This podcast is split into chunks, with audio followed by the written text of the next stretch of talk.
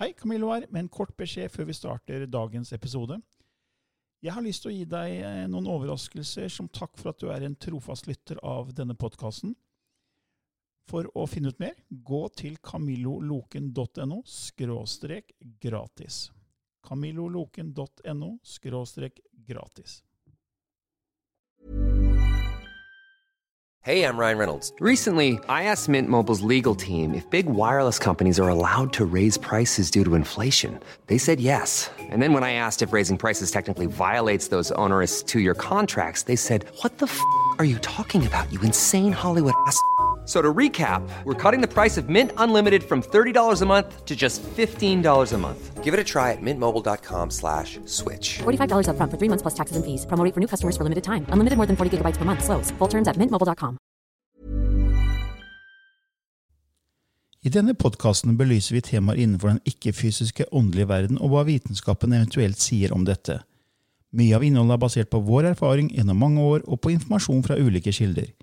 Vi deler her med deg vår sannhet, som kanskje ikke er en universal sannhet. Noen av podkastene inkluderer også gjester som deler med seg sin opplevelse av hva som er sant og riktig innenfor disse temaene, noe som nødvendigvis kanskje ikke alltid stemmer med vår egen sannhet. Mer informasjon om vår podkast finner du på andogvitenskap.no. Takk for at du lytter til vår podkast.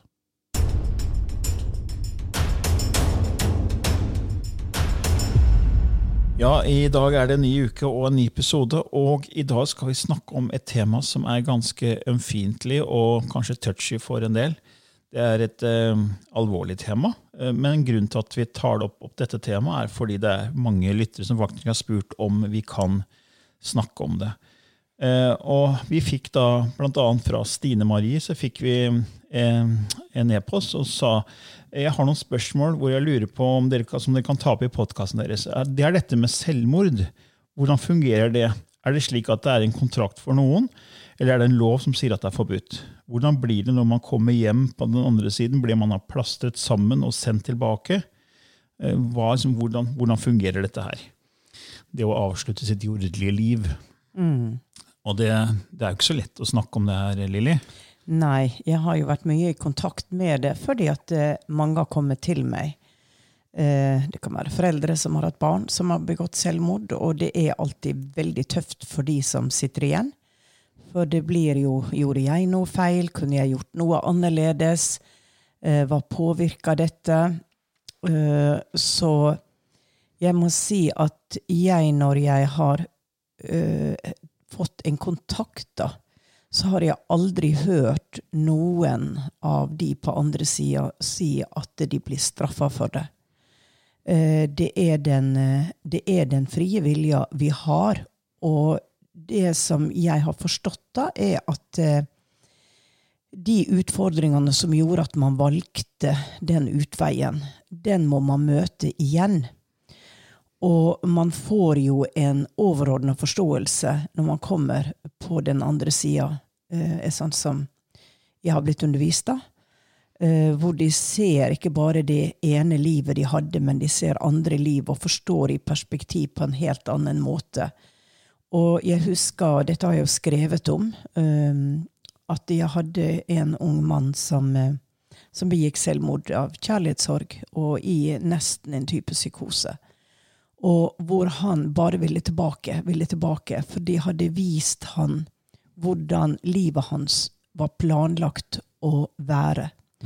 Og han hadde da sett seg selv i fremtida med en annen kvinne, barn, god uh, posisjon, jobb. Det var en, dette var en veldig intelligent ung mann. Og, um, og hadde store ambisjoner. Han var vel ikke mer enn knapt 20. Og eh, hadde allerede gjort en liten karriere. Veldig oppegående, men veldig besatt av en, en pike han hadde vært kjæreste med siden han var veldig, veldig ung. Så når hun gjorde slutt, så, så var det nok ikke hans rasjonelle sinn, men det var Han kom i en tilstand gjennom ikke å sove, alkohol, som eh, gjorde at han tok det valget.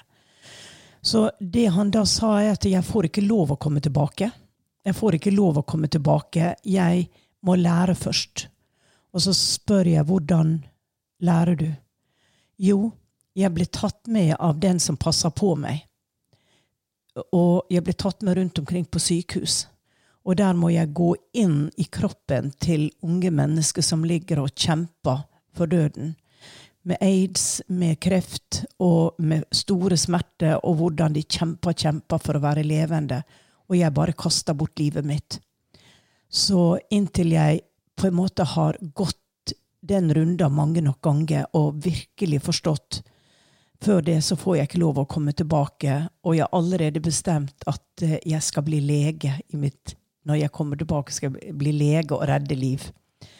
Og det interessante var jo foreldra sa at han hadde søkt om å komme inn på legestudiet i utlandet. Så den tanken lå også i hans hode før han, før han uh, døde, da. Så men når du sier at han fikk ikke lov, altså var det, var det Han kunne komme tilbake uten å ha lært og fått full forståelse for sin emosjonelle uh, opplevelse og grunnlaget for det valget. Men var det guider som sa ja, det, det til? Ja. Det var guider. De som sa det til ham? Mm, mm.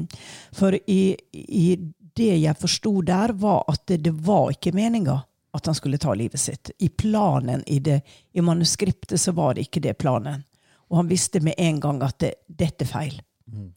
Um, ja, For det stemmer jo litt sånn overens med hva religionene sier. at uh, for det, det, er jo en sånn uh, Blant religioner uh, så, på jorda her så er det tradisjonelt så, så, så er man jo ikke særlig begeistra for at folk ender sitt liv. Det, det, ser man i forskjellige religioner. I hundiismen så blir selvmord referert til av det sanskritte ordet atmahayataya, jeg håper jeg uttalte det riktig, ja. Eh, som bokstavelig talt betyr sjelemord. At man på en måte dreper sjelen. da. Og, og sjelemord sies å produsere en rekke karmiske reaksjoner som hindrer sjelen å oppnå frigjøring. Det er det hinduismen sier. Mm. Men så har du buddhismen, som også snakker om at, eh, at selvmord, at de, de, på en måte forbyr selvmord fordi slik selvskading forårsaker mer lidelse istedenfor å lindre lidelse. Og så har du tradisjonell kristentro, som er imot selvmord. Så Ifølge den romersk-katolske kirkes teologi er selvmord objektivt sett på som en synd som bryter med budet 'du skal ikke drepe'. Så Blant katolikker har det altså tradisjonelt sett blitt sett på som en dødssynd, en veldig alvorlig synd som ødela ens forhold til Gud. Men i 1983 så fjerna den romersk-katolske kirken selvmord fra listen over dødssynder. Mm. Det var et liten sånn utvalg av hva, hva, de ulike religionene mener om, om selvmord. da. Mm kobling til på en måte det spirituelle. Ja, og dette, dette er jo også um, altså Etter hvert som man går inn i forståelsen, både vitenskapelig og alt, hvem, hvem vi er, um, så, så, ligger det jo også i um, en annen som jeg kjente, da, som be, begikk selvmord um, Hoppa jeg litt her, men, men han kom veldig sterkt inn nå, faktisk. Fordi at uh, han bestemte seg for at hans liv på jorda her var over. Han hadde gjort det han kom for å gjøre. Og da var det like greit å dra hjem. Og um, han hadde sukkersyke, og han, uh, helsa hans var ikke bra. Men ellers så, så hadde, var han en fantastisk mann, veldig lært. Og jeg husker han kom til en kanalisering, hvor et av hans spørsmål var hva de, mine guider, mente om selvmord. Og jeg husker jo ikke helt hva jeg sa, for jeg er ganske borte når jeg får disse informasjonene. Men, eh, men vi diskuterte det litt etterpå, at det var den frie vilja. Altså man hadde en fri vilje til å bli født, og man hadde også en fri vilje til å bli født tilbake mm. til eh, åndeverdenen. Eh, men at eh, dette også på en måte lå i at når du hadde inkarnert veldig mange ganger, så hadde du en, mer, en større bestemmelsesrett over livet ditt, eller hvis du var en veldig ung sjel. Du kunne være med på å bestemme hvordan dette livet skulle være, mens en ung sjel på en måte blir satt for å lære. Ja, for det, Nå snakker vi om ung og gammel sjel, som på en måte er tidsbegrep. som egentlig ikke, Men det, ja. jeg leste at når man snakker ung sjel, så har de færre liv her på jord ja. eh, inkarnert færre ganger enn en det man kaller en gammel sjel. Men alle sjeler er jo like gamle, for å si det sånn. Ja, men det er jo erfaringsmessig. Erfar, erfaringsmessig, ikke sant? Og, men han um, han hadde jo sagt han skulle hjelpe meg å skrive en bok uh, mens han levde, og jeg var veldig sinna på han. At hvorfor kunne du gjøre dette her? Og jeg skulle ha besøkt han den påska, og jeg gjorde det ikke, og følte også veldig skyld. Kunne jeg ha stoppa det? Og fikk ikke noe kontakt med han inntil for vel kanskje to år etterpå, hvor jeg sitter og skriver, um, og plutselig så er han i rommet og sa nå skal jeg forklare deg hvordan det føltes og opplevdes å, å dø. Og uh, han ga meg da uh, veldig spesifikk informasjon som jeg fikk eh, se etterpå stemte.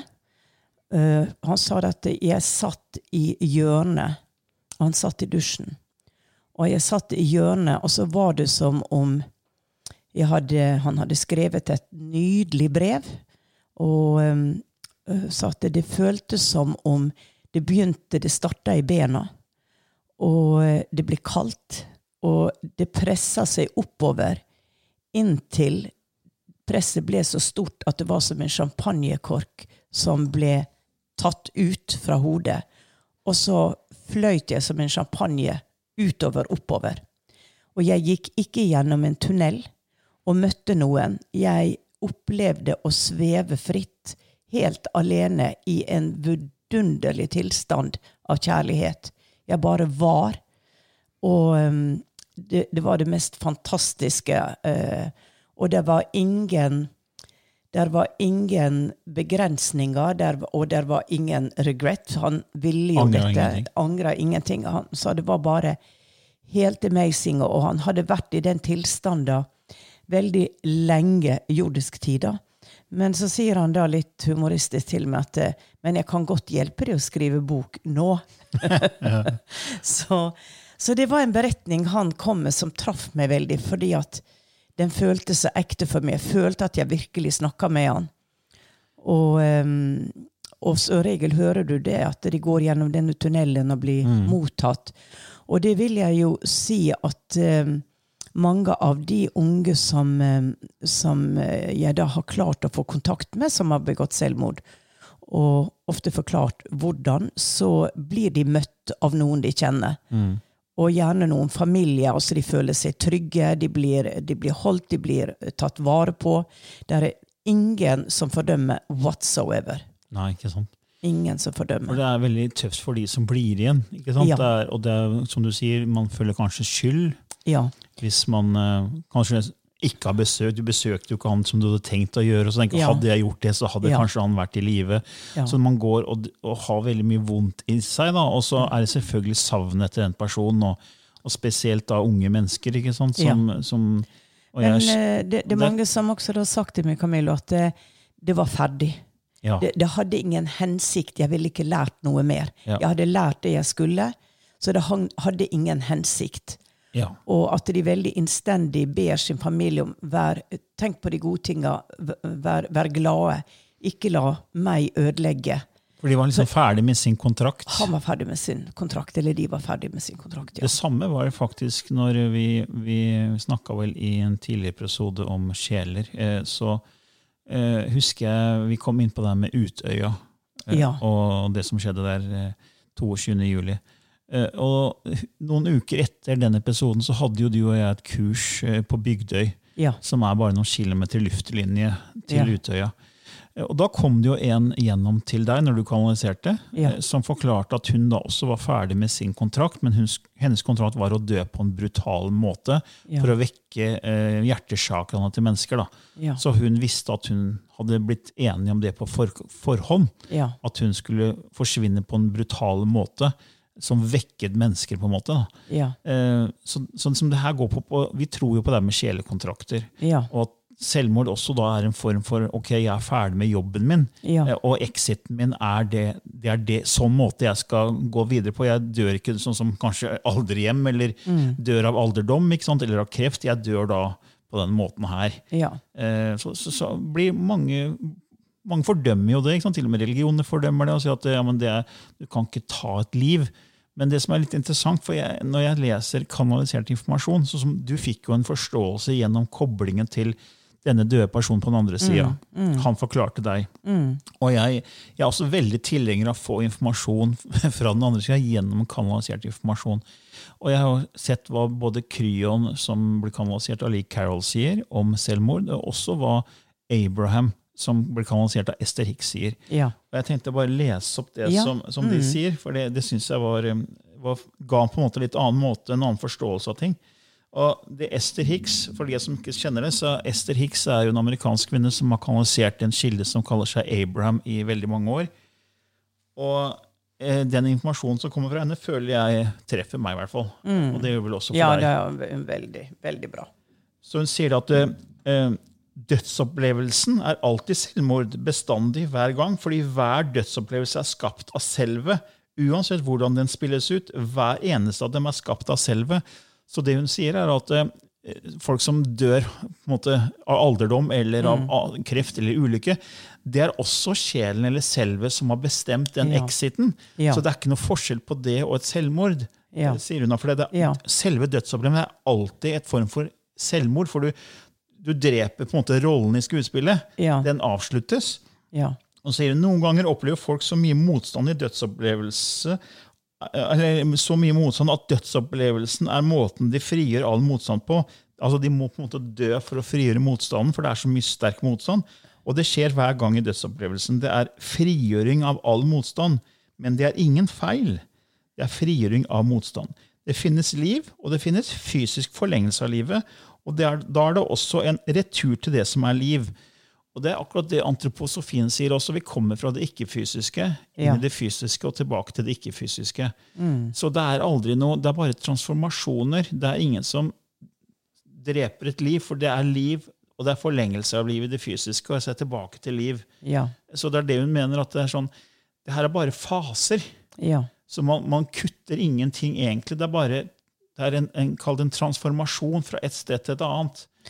Og det er en pågående prosess. Vi dør egentlig aldri. ikke sant? Ja. Så, og så sier hun det er ingen død. Så, og så du kan ikke redde et liv, fordi et liv kan ikke kastes bort. Et liv kan ikke gå tapt. Du kan ikke slutte å være. Og så sier dere at man burde redde helligheten til en fysisk livserfaring. sier hun. Og så sier, gir hun et eksempel, da. Fordi Ester Hicks har jo ganske mange sånne samlinger med hundrevis av mennesker hver Ja. gang hun har kanaliseringer. Så sier hun en hyggelig kvinne hadde kommet til samlingene våre i mange år og introduserte meg også med tiden for hennes datter. Og ikke lenge etterpå så tok datteren sitt eget liv.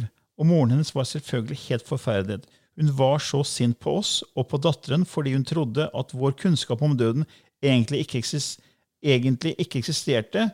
At døden ikke, egentlig ikke eksisterte, på en måte hadde gitt datteren hennes tillatelse til å ta livet sitt og gå tilbake til det ikke-fysiske, altså til rent positiv energi. Og vi forklarte hva dødsopplevelsen er, og friheten og velvære datteren hennes opplevde. Og vi sa i et forsøk på å berolige henne at hun hadde det bra. Men vil du ikke heller at datteren din er i en tilstand av ren forbindelse til hvem hun egentlig er, istedenfor den ubehagelig smertefulle tankesettet hun var i fra før? Og moren sier nei. Og det viser hvordan de fleste mennesker ser på helligheten av det fysiske livet. De sier ja, jeg foretrekker at du er lidende og elendig istedenfor å frigjøre deg fra motstand og føle deg fantastisk. Vi vet at dette ikke er enkelt å forstå, og vi vet at de fleste i denne verden ikke vil være enige med oss i dette. De fleste mennesker tror virkelig at det er bedre, uansett hvor elendig du er, å være i den fysiske kroppen enn å frigjøre seg. Og vi fremmer absolutt ikke selvmord, selv om alle dødsfall egentlig er selvmord. Det er selvet som bestemmer at nå er det fysiske livet over. Ja. Og det er helt i tråd med det du fortalte, at han frigjorde seg, og det var som champagnekorken, og han følte en fantastisk følelse. Så hvis det er mye motstand her, og du, du får da det du, du transformerer til noe fantastisk, da. Ja. ja, og det var jo også noe som jeg ble møtt med, at du glorifiserer du selvmord, Lilly, Ja, så sant? er det lettere for andre å gjøre det. Og det, det var jo noe jeg selvfølgelig tenkte på når jeg skrev dette, men valgte å gjøre det fordi at det her er også mye frykt for døden. Ja. Og eh, det er å Altså, en lege er jo pliktig til å redde liv. Altså en som ligger på et sykehus. Livsforlengende medisin, respirator, respirator, ikke sant. Så man forlenger et liv. Og det er jo den eden de har gitt, at det er deres rolle i dette dramaet da, om, om kropp og, og ånd. Så hva, hva er rett og ikke rett? Jeg tror at man kan søke informasjon, man kan lese. Der er veldig mye informasjon fra forskjellige forfattere, fra forskjellige som kanaliserer. Og så får man finne sin egen sannhet, eller hva, hva man er komfortabel med å tro på. Ja, for det er klart, Hvis du da ikke tror på det, den andre siden som vi tror på, Ja. eh, og du har et La oss si et, eh, en, en barn, eller en, en ungdom, en, Ja. en 19-20-åring som tar sitt liv, som folk jo opplever. Eh, så klart, det er forferdelig. ja. Jeg kan ikke tenke meg tanken engang. Liksom. Men sånn, i og med at jeg er spirituell, og jeg tror på at det fortsetter, at det er bare en transformasjon, så ville jeg nok taklet det helt annerledes om det hadde skjedd med meg nå, Ja. med mitt barn, enn før jeg ble spirituell. Når, Ja. Den gangen jeg var ateist, så hadde jeg ikke hatt den forståelsen. Så jeg, veldig godt, jeg forstår veldig godt de som ikke tror på noe av det vi snakker om her. fordi det krever jo at du egentlig tror på at det fortsetter etter døden. ja. For hvis, fordi alle, veldig mange mennesker mener jo at, at liksom, det er her livet er nå. Og de fleste er jo ikke, tror jo ikke på det vi tror på. Så da, da stopper det på en måte når du dør. Ja. Men det er bare en transformasjon, sånn som vi ser det. Ja. Eh, Så de som blir igjen, får det veldig vondt. Ja. Og Derfor er det så vanskelig å snakke om det, fordi det er jo mennesker nå som kanskje lytter på, som har opplevd å miste eh, barn, ektefeller, partnere til, til selvmord. Og det, det er jo da vi snakker om at vi lager en kontrakt og vi, eh, vi bestemmer hva som skal møte oss i en inkarnasjon, så føler jo jeg også at det er at man også velger å ha den erfaringa. Kanskje for å takle emosjoner man i tidligere liv ikke har klart å takle. Og det husker jeg spesielt eh, var en beskjed til et foreldre, eller en, en kvinne da, som hadde mista barnet sitt og som eh, hadde den samme erfaringa fra før, og ikke hadde klart å takle å leve videre i resten av livet, var bitter, og hele livet falt i grus. Så hun måtte ned igjen for å erfare dette igjen, for å kunne arbeide med forståelse, og at hun selv, hennes egen emosjoner, kunne bli heala i en fysisk kropp. Og det hadde, hun hadde jo da blitt medlem i en sånn supportgruppe og lært veldig mye. Og var selv en, en sånn støtte, støttebrikke for andre som, som slet veldig, da. Så, så det er dette det er et så stort Det er så stort tema, dette her. Og hver, hvert individ må jo på en måte bestemme hvordan det vil ta en sånn erfaring. Jeg, eh, jeg tenker at um, smerte, eh, sorg, eh, det å ikke forstå, også en del av det man velger når man inkarnerer i tredje dimensjon. For det, der er en gardin trukket ned, og vi får bits and pieces av den større forståelsen. Ja, jeg tenkte å også si hva Kryon sier om selvmord. For Ja. Kryon er jo en kilde som kanaliseres av Lee Carroll, Ja. som vi har nevnt i flere episoder. Og det Kryon da får et spørsmål fra en av sine tilhengere som sier jeg har lest berett, flere beretninger om mennesker som har dødd og kommet tilbake til kroppene sine. I noen av tilfellene beskriver de en veldig trist sted for de som begikk selvmord. Vanligvis sier de at de som begikk selvmord, sitter fast der. Er disse beretningene sanne, eller er dette farget av personens tro? Hva med de som ikke begår selvmord fordi de er deprimerte og ikke kan fortsette, men som dør i sin sak, f.eks. terroristene som sprengte tvillingtårnene, eller selvmordsbomberne i Israel, eller de som valgte å ta livet sitt fordi de har kreft og smertene blir for mye for dem? Så svarer da Kryon, som vi har nevnt tidligere, så er selvmordsenergien en test for de som er igjen, ikke for den som begikk handlingen. Faktisk har mennesker veldig sterke overlevelsesinstinkter for å hindre at man gjør dette, men for de som gjør det, er det ingen vanære eller straff. De sitter heller ikke fast. Mesteparten av tiden var dette et potensielt kontrakt hele tiden, og det førte til at de etterlatte som blir berørt, må ta avgjørelser som de aldri ville ha tatt ellers. Husk at det jordelige livet er en test for dere alle. Når det er over, ikke bli sjokkert når du kommer tilbake til denne siden av sløret og oppdager at det ikke er noen straff eller belønning, bare en familie som er takknemlig for reisen din og for energien det tok å elske jorden og universet så mye at du gikk gjennom det. Menneskelig død blir ikke sett på denne siden av sløret som noe annet enn en transformasjon av energi.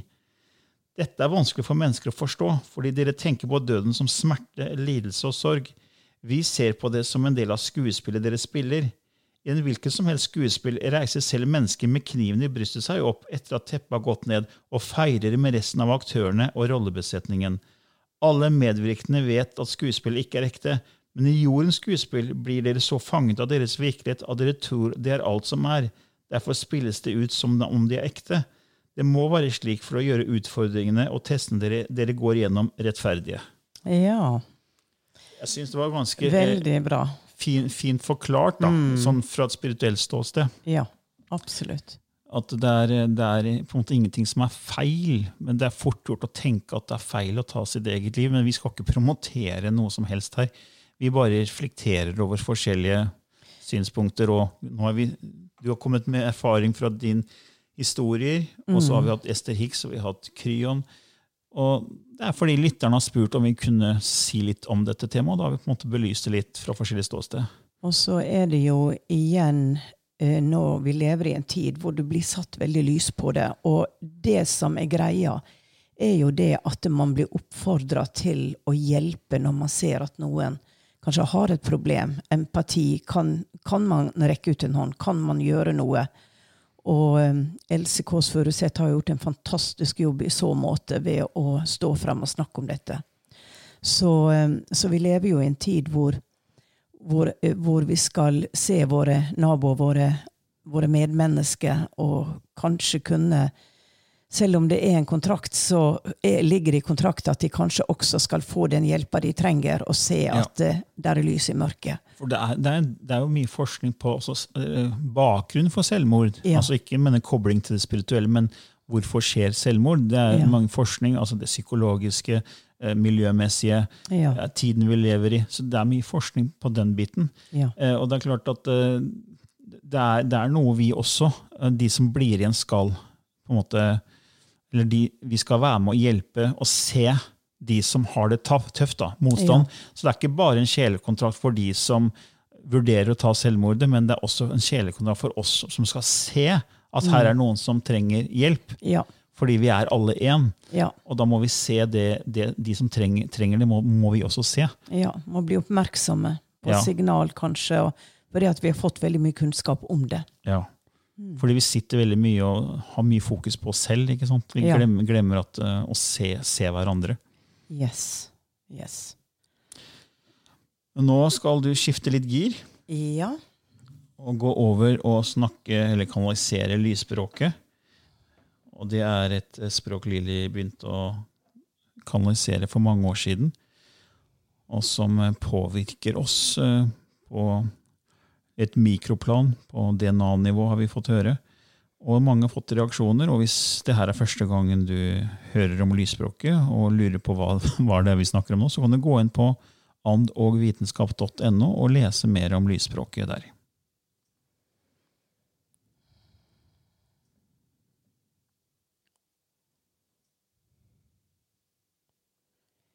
Kehei chuktoa ekshehia na tiana te kai. Ahua, takuna hia shuktai. E mehe e na te tikuaia te. O aliana te kia. A mahi tu tukua i te kei. A nai ten chukua se te kei. Chukua. Ila hiana ta kichka aiha tu kucha nai sukatika ai. Ahiana chuku a ichuhana tiktika ai. Ele hianat tukuha.